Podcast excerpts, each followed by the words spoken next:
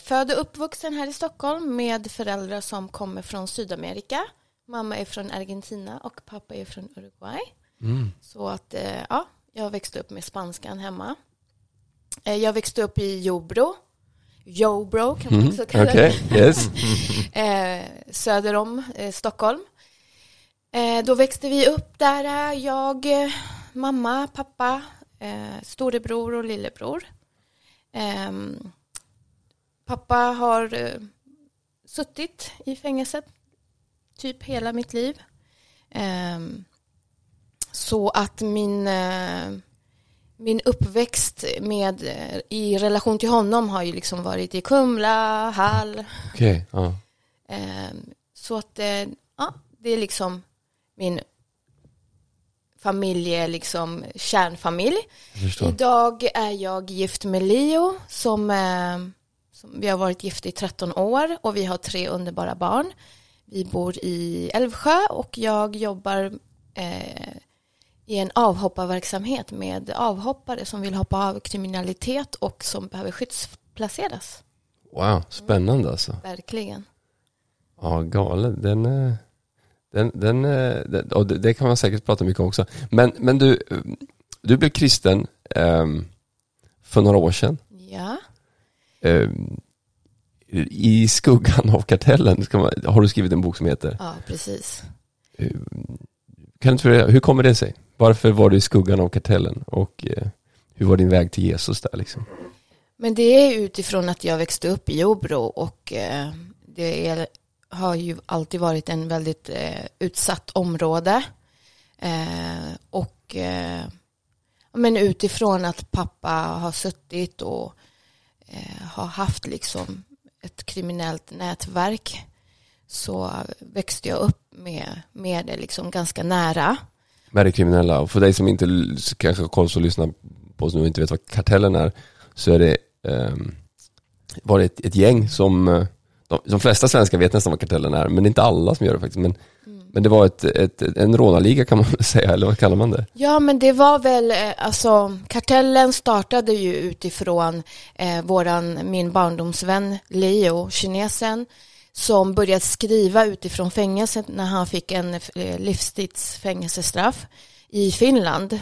Ehm, och eh, hittade frontfiguren som heter Sebastian Staxet, som liksom eh, var frontfiguren och rapparen. Eh, men det var ju min storebror och Leo som liksom grundade själva kartellen. Eh, och sen utifrån att pappa också liksom hade en liknande organisation, Ja. ett nätverk. Så att då har det varit allt i skuggan både utifrån pappas sida och sen utifrån storebrorsans sida. Just det. Och kartellen då, de skrev musik, skrev rapmusik och rånade värdetransporter och annat. Jag gjorde lite allt möjligt. Var produktiva. Ja, ja.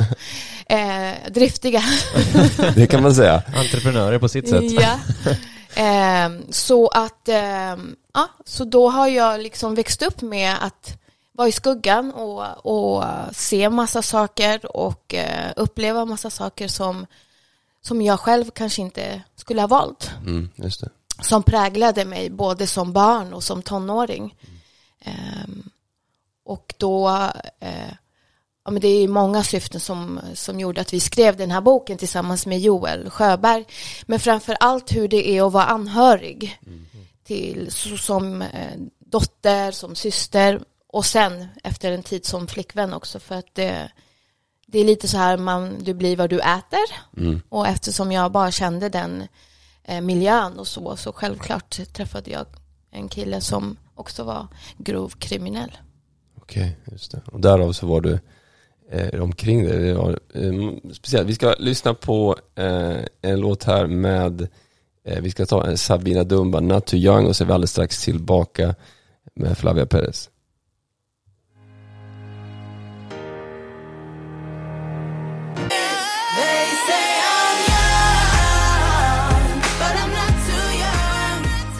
Det var Sabina Dumba med Not Too Young och vi har Flavia Perez i, i, i studion. Säger jag rätt Perez?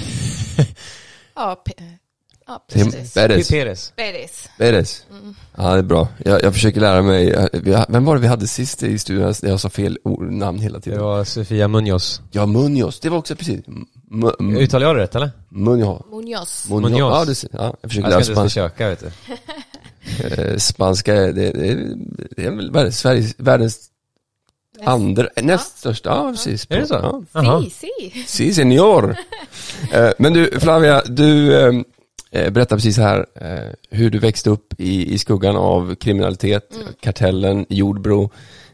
Din pappa var kriminell och, och ja, du växte upp i det här. Ja, precis. Det, det, när du berättar, det låter lite som att du liksom växte upp i en, i en, i det, jag- det, man, det väldigt många ser på film. Typ. Ja, ja. jag har ju eh, många år liksom eh, normaliserat väldigt mycket men ju mer liksom eh, man har jobbat med sig själv och, och utbildat sig för att hjälpa andra människor så har man ju märkt att oj, det här var ju inte alls normalt, Nej, en normal uppväxt. nej. Men för mig, det var det enda jag visste. Mm. Och, och din bror då, han eh, eh är, blir också tungt kriminell. Precis, och eh, i boken så beskriver vi liksom och berättar varför det blev som det blev. Eh, ingen vaknar en dag och bara säger ah, idag ska jag bli kriminell, så vi kör. Utan det är saker som händer i livet, det, det är situationer som uppstår, det är ja, omständigheter som man inte själv kan styra och så väljer man det enda man vet. Så att eh, det var ju så eh, han tvingades på något sätt och välja att eh, kliva in i någonting som, som, som var närmast. Liksom. Och, och vad hände här? Du, du själv då blir tillsammans med en kriminell? Precis. Jag flyttade ner till eh, Spanien, till Barcelona och bodde där och träffade en kille då, drömmannen, eh, som eh, vi blev tillsammans och eh, ja, många saker hände där men eh, det slutade med att jag och han liksom blev själva där för det var, vi var ju ett gäng först som bodde där eh, och där visade han sin liksom typ riktiga sida eh, så han var väldigt kontrollerande och aggressiv och, och eh, ja, det, det blev en ren helvete eh, så att efter några år så orkade jag inte längre så att jag tog bara eh, packade min väska eh, en eftermiddag då han åkte iväg på träning och åkte till flygplatsen och tackade för mig och åkte hem till Sverige och skulle starta om där igen och eh, efter ett tag så kom han till Sverige även om han var utvisad eh, så um, och då flydde jag till Sydamerika Okej. och eh, efter tre månader som jag hade varit i Sydamerika, för tanken var ju liksom, jag måste ju bo kvar här, så att han inte kommer efter mig. Men efter ungefär tre månader som jag var i, i Uruguay då, eh, så blev han mördad. Så att, eh, ja, det var ju liksom jättehemskt och det var inte det som, man önskar ju inte det till någon. Men då kom min brytningspunkt att jag tänkte så här, vad, vad, vad är livet? Alltså ska, ska det fortsätta så? Det är någonting som inte stämmer liksom. Både utifrån att jag väljer fel och det bara blir fel hela tiden men det är någonting som jag, alltså någon, något annat måste jag liksom välja. Eh, Och i sa- samband med att jag kom tillbaka hem till Sverige eh, så eh, träffade jag min bästa vän, min nuvarande man Leo. Och ehm, vi började umgås som vänner och det var något jätteannorlunda med honom. Eh, Han var så snäll, kärleksfull, trygg. Och det var något nytt för mig. Så att vi, vi umgicks väldigt mycket och han fick mig att känna mig så pass trygg att jag började öppna upp och berätta om saker som jag hade varit med om och saker som jag inte ville fortsätta liksom hamna i. Eh, och det var bara att kunna öppna upp och, och få eh, villkorslös kärlek liksom. Att inte bli dömd och att inte bli pekat på eller eh, att han bara accepterade mig precis som jag var. Gjorde att det, det, det var liksom helande på något sätt. Ja, och vi bestämde oss att eh, start, liksom, bygga en relation som liksom ett par. Och sen ville han liksom att vi skulle gifta oss och så gjorde vi det och så fick vi vår första son som är 11 idag, Alessandro. Och eh, där när han föddes så kom jag till en punkt där jag tänkte oj, det här kommer inte jag fixa. Jag har ingenting att ge det här barnet liksom. Eh, Så att eh, det var då för första gången som Leo ehm, la ord på den villkorslösa kärlek eller la ett namn på det. Som, och då förklarade han mig, men det finns någon som kan hela ditt hjärta och han heter Jesus. Och jag vart ju paff för att han hade inte varit så liksom, han hade ju inte beskrivit det men han hade ju bara visat med handlingar vem Jesus var. Så för mig var det bara liksom att ordet blev kött där. Så att jag tackade, öppnade upp mitt hjärta och tog emot Jesus i mitt hjärta. Wow. Var din man kristen? När blev han kristen då? Han blev, han blev kristen redan som barn i Okej. Sydamerika. Så han växte upp med, med att eh, ha... Så hans föräldrar var sökare, liksom, de sökte. Till slut hamnade jag, de hamnade i en eh, liksom, eh, församling i, i Uruguay. Eh, och där började deras resa och Leo var ungefär åtta år gammal. Så han döpte sig typ när han var 10-11 och var jätteinvolverad i liksom eh, ta, ungdoms eh, eh, the ministry där och, och så. Sen fick han möjlighet att börja spela fotboll. Hans familj slutade liksom eh, gå i, i den församlingen. De slutade liksom överhuvudtaget gå till kyrkan. Så att han var den enda i hela familjen som fortsatte liksom.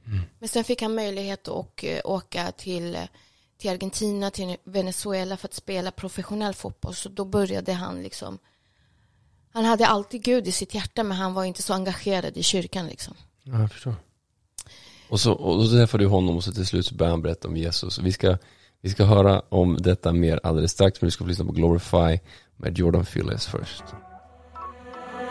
You gave a heavenly breath and now it's air in our chest. That's why we're singing it back to glorify.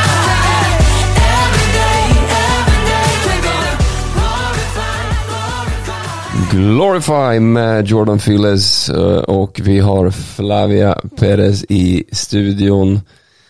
Um, Flavia, din man alltså, Yes, börjar berätta om Jesus. exakt.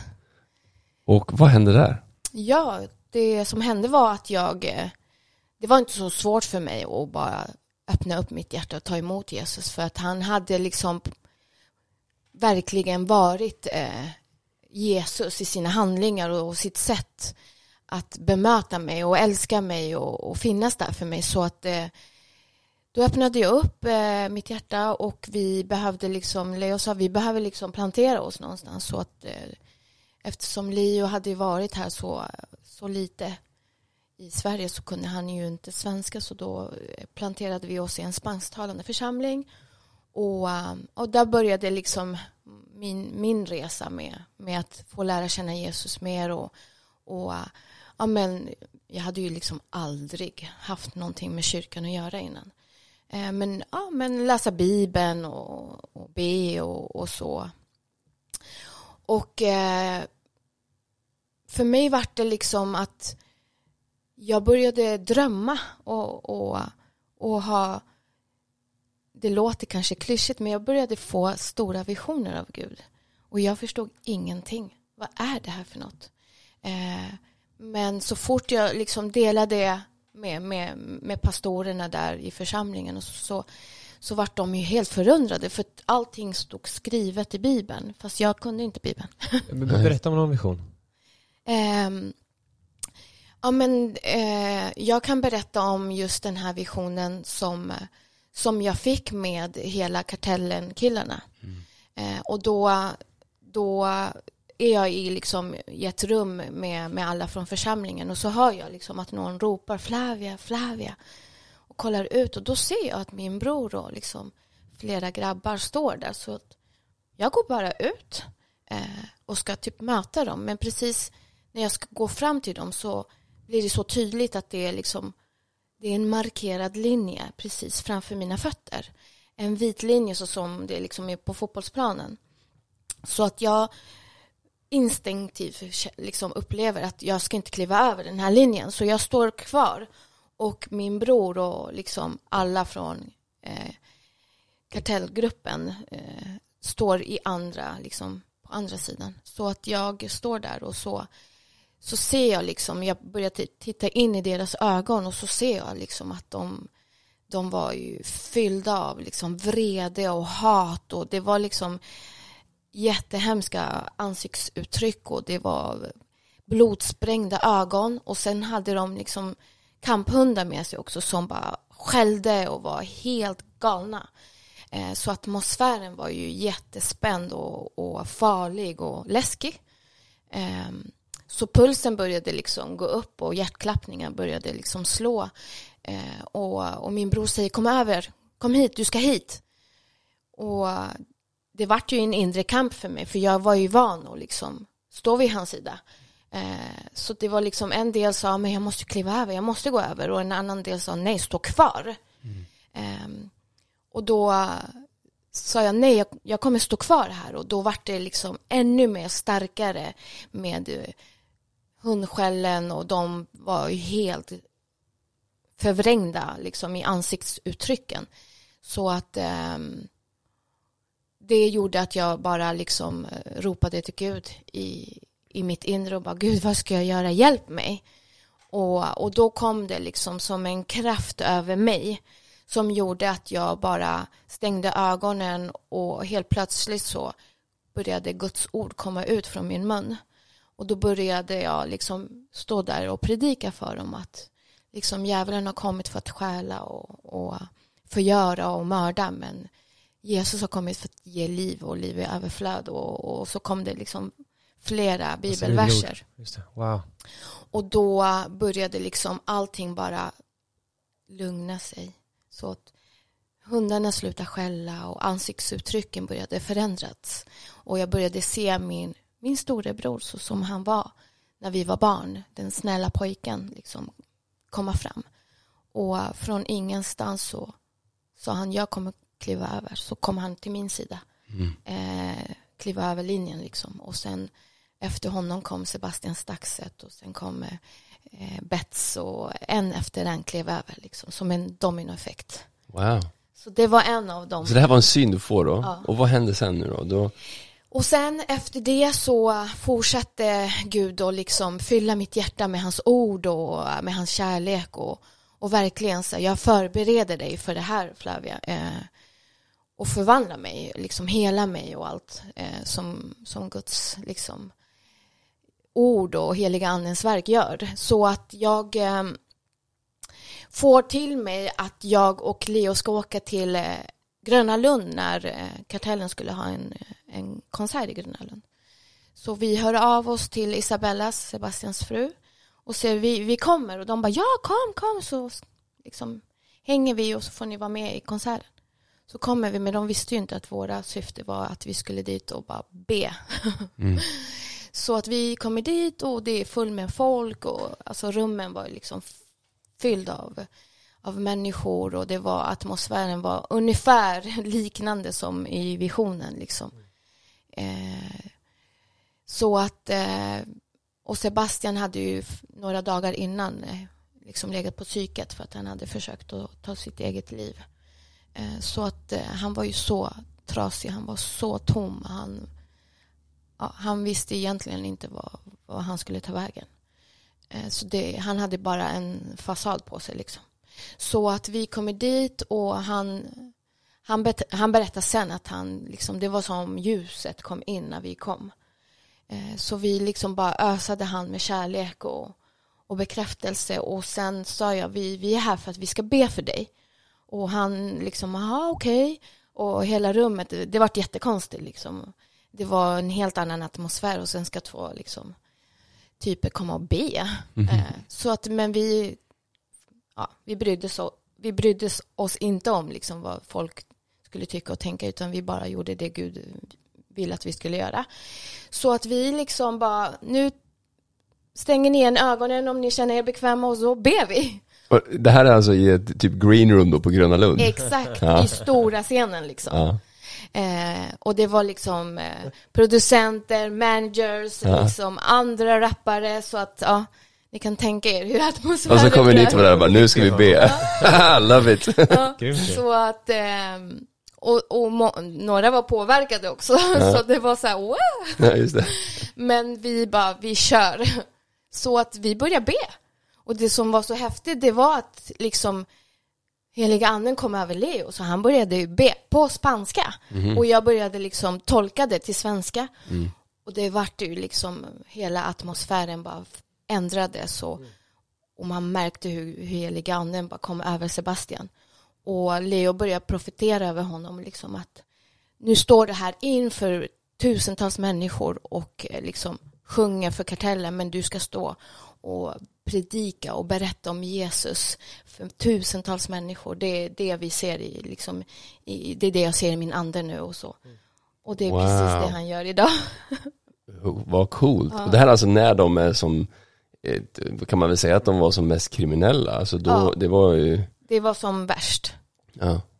Så mitt i den situationen, för ja, det är ju inte alla som har gått, som vet Sebastian och kartellens, eh, som, man vet om att ja, men de, de rappade och de, de, men alltså går man in och kollar på gamla klipp, det finns ju på YouTube, du, det är ju, eh, det är ju alltså, det var inte, de var inte trevliga alltså. Nej, och en av klippen är ju från fängelset i Ja. Sydamerika där, min, eh, där mina bröder satt. Ja. Wow. Ja.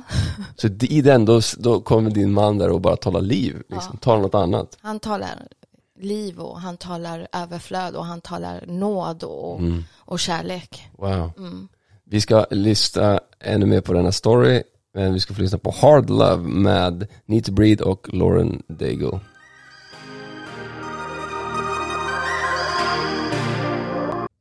Det var Hard Love med Need to Breathe och Lauren Daigle. Vi har eh, Flavia Perez med oss i studion här och eh, vi, eh, vi snackar om hur, eh, hur du och din man går på en kartellkonsert på Gröna Lund Yes. kommer in i green room och säger nu ska vi be till Jesus Yes. framför då, och då är det ju liksom bank, eller rånare, gängkriminalitet, droger eh, och ett band som sjunger allt annat än Om Jesus. om Jesus. ja, precis. Så var det verkligen. Och- alltså vilken, alltså vad får en att göra en sån sak? Vi bara, bara, att komma in och bara säga nu ska vi peka på Jesus, det, det måste funnits ganska mycket frimodighet på något sätt, eller?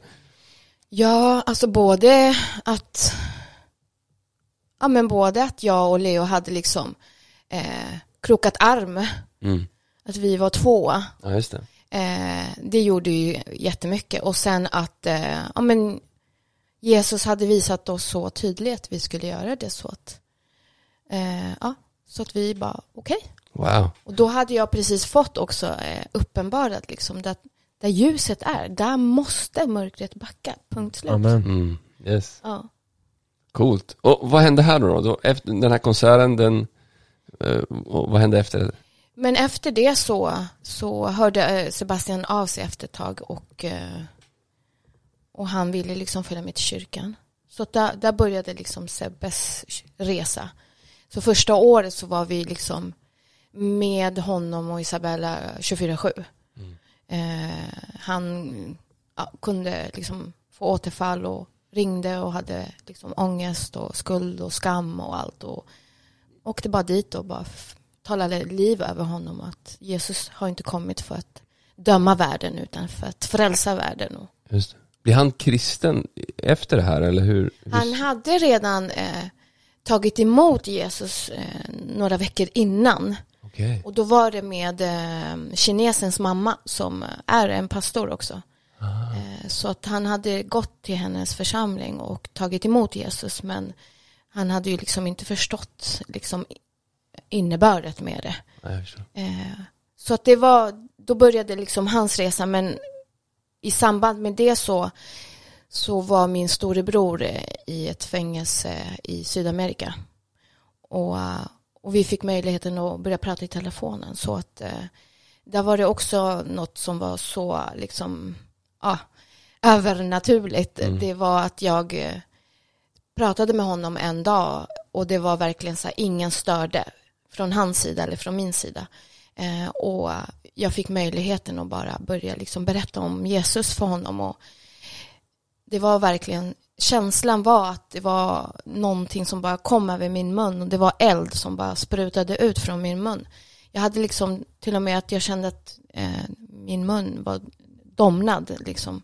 För att det var så starkt och det bara kom, kom, kom, kom och jag hade ju precis börjat liksom läsa Bibeln. Eh, och då mm, fick jag en, en tilltal att säga att ikväll så kommer någon komma och visa dig att det jag har sagt är på riktigt. Och, ja, och så fortsatte vi att prata och så. Så det här säger du, i- du pratar i telefon med din bror som, Som- sitter i fängelse i Uruguay. Exakt. Okej. Okej. Och det är liksom, då kanske det var fem timmars skillnad. Ja. Så han bara, ja, whatever, liksom. Mm. Så han säger att han går till, liksom, till sitt rum och sen går han och tränar på gymmet där i, i anstaltet. Eh, och sen när han är där i sin liksom, träningsmode och allting så kommer en eh, vakt och säger ja men det, det är gudstjänst nu. Det är första gången den här eh, eh fängelse har liksom eh, gudstjänst så att eh, ska du inte gå? Och han bara va? Jag bara, ja men jag går snart. Hon bara nej men den börjar nu, du behöver gå nu. Så då går han in i den här gudstjänsten i fängelset eh, och då är det en pastor där och eh, mitt i liksom gudstjänsten så kommer han fram till honom och börjar ex- profetera och säga exakt samma bibelvers som jag hade sagt till honom. Wow. Så att han, eh, han bara föll ner på knän, lyfte upp sina händer och tog emot Jesus på plats. Mm. Och så ringer han mig dagen efter och berättar allt som hade hänt. Vad coolt. Mm. Fantastiskt. Jag får goosebumps. Jag hoppas du som lyssnar får det också. Vad coolt. Ja. Och då började hans resa i fängelset. Ehm, han, eh, de bytte liksom anstalt och de skulle ta han till den hemskaste och värstaste eh, fängelse i Uruguay. Alltså den är känd som liksom helvetet. Och han liksom frågade Gud varför? Och det var första gången han upplevde liksom heliganden tala till honom. Och det var som om liksom en frid kom över honom. Lugn, jag, jag har kontrollen. Och då hamnade han i en, ehm, men vad säger man, Eh, en paviljong då. Med bara kristna. Okej. Så då hade de liksom, det var en kristen paviljong. Ah, Okej, så alltså en, ett, en avdelning Ja, typ i exakt. fängelset som, ja. Och där fick han de bästa sex månader i sitt liv.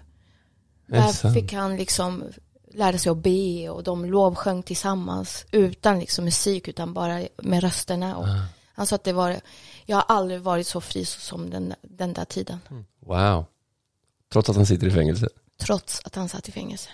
Och sen från en dag så kommer, eh, eh, ja men, vad heter det?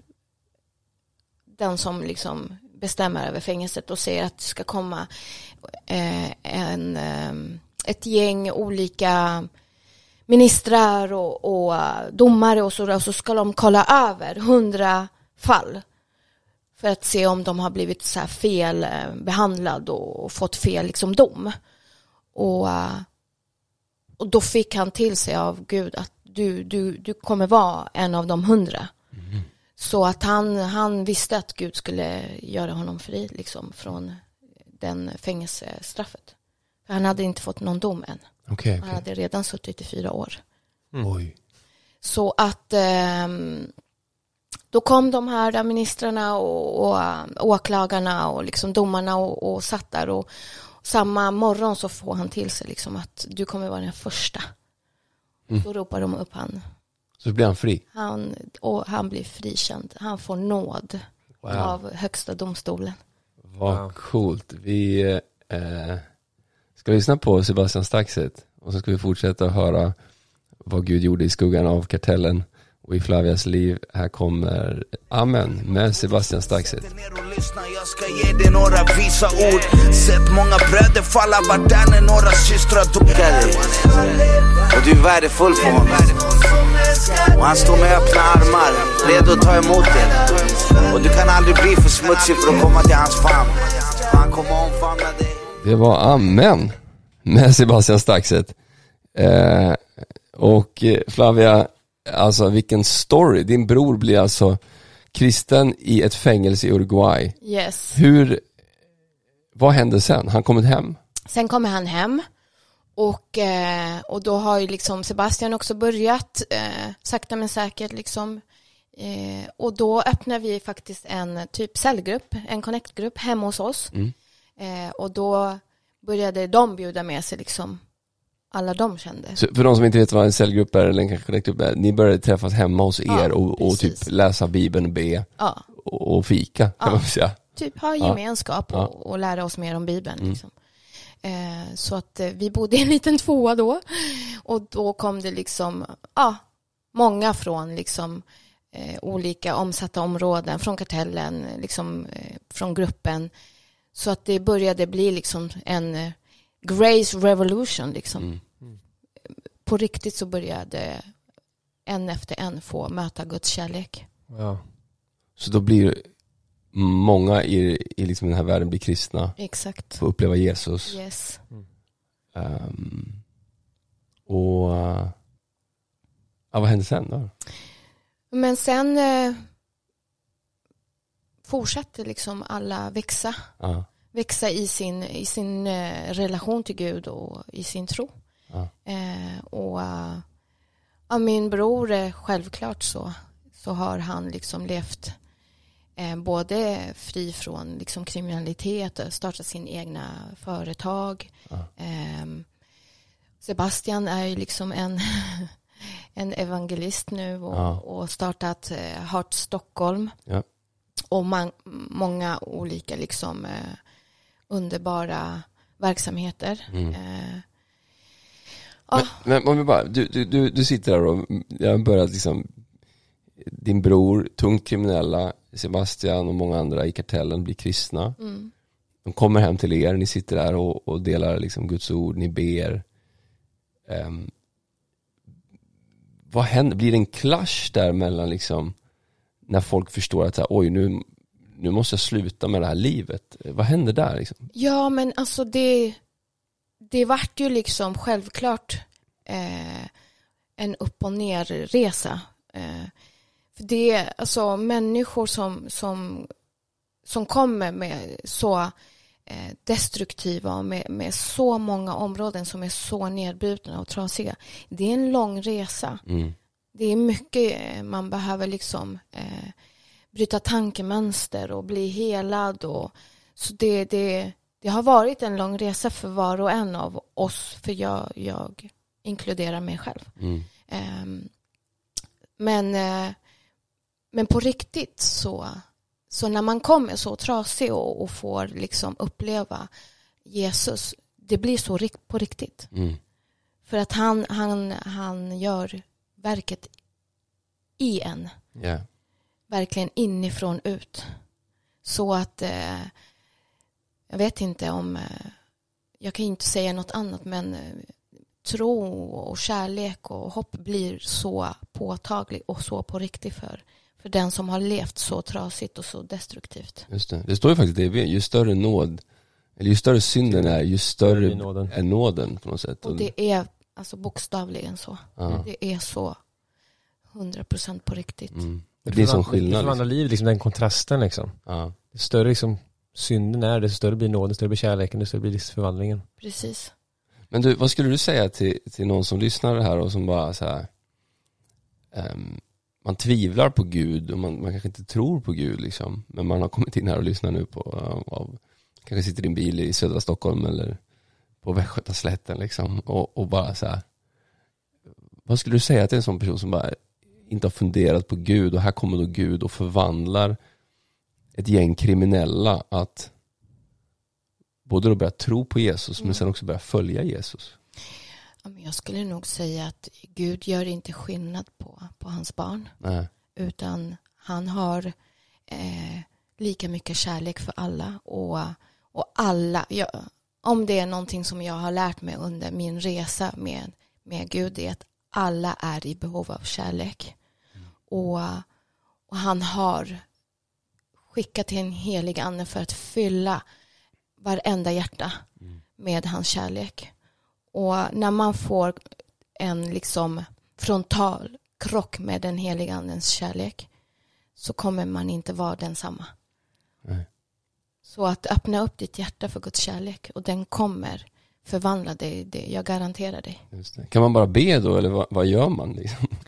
Ja, men jag har ju fått eh, möjligheten och äran att få be för många människor eh, som, som är jättetrasiga och människor som också känner att men jag är ju liksom, jag har ändå inte gjort det här och det här, jag är ändå en god person, jag hjälper den eller gör så här, jo men vad har du för självbild? Du hatar dig själv.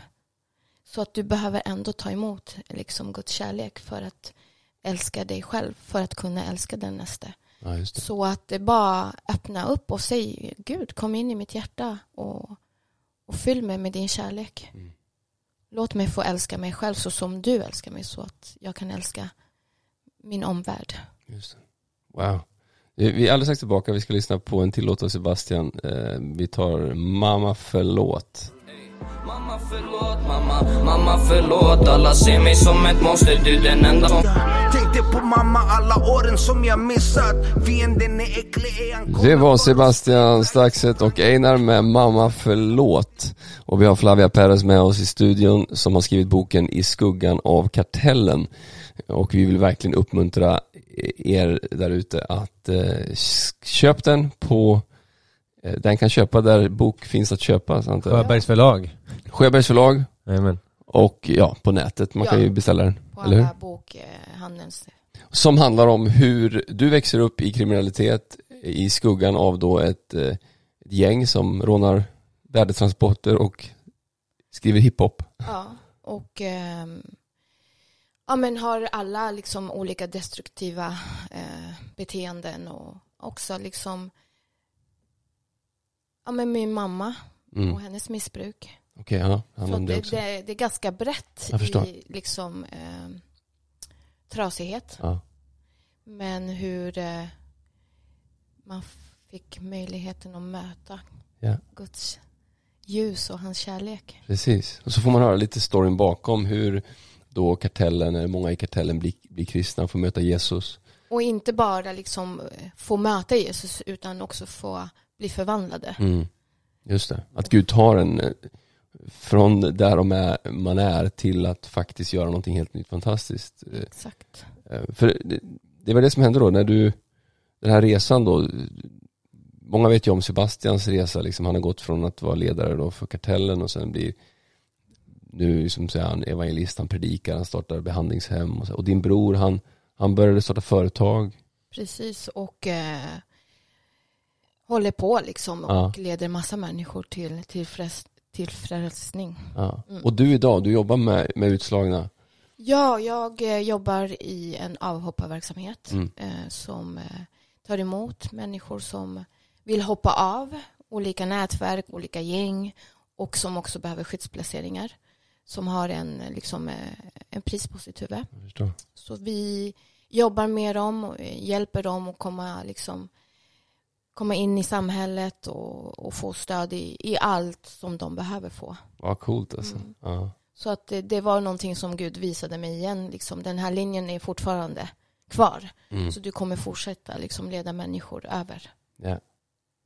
Det är coolt att höra och coolt att se vad Gud gör alltså. Ja. Och för dig som vill veta ännu mer då så gå in och köp boken. Du kommer kunna lyssna på den här intervjun. Eh, vi kommer lägga ut den på vår podd.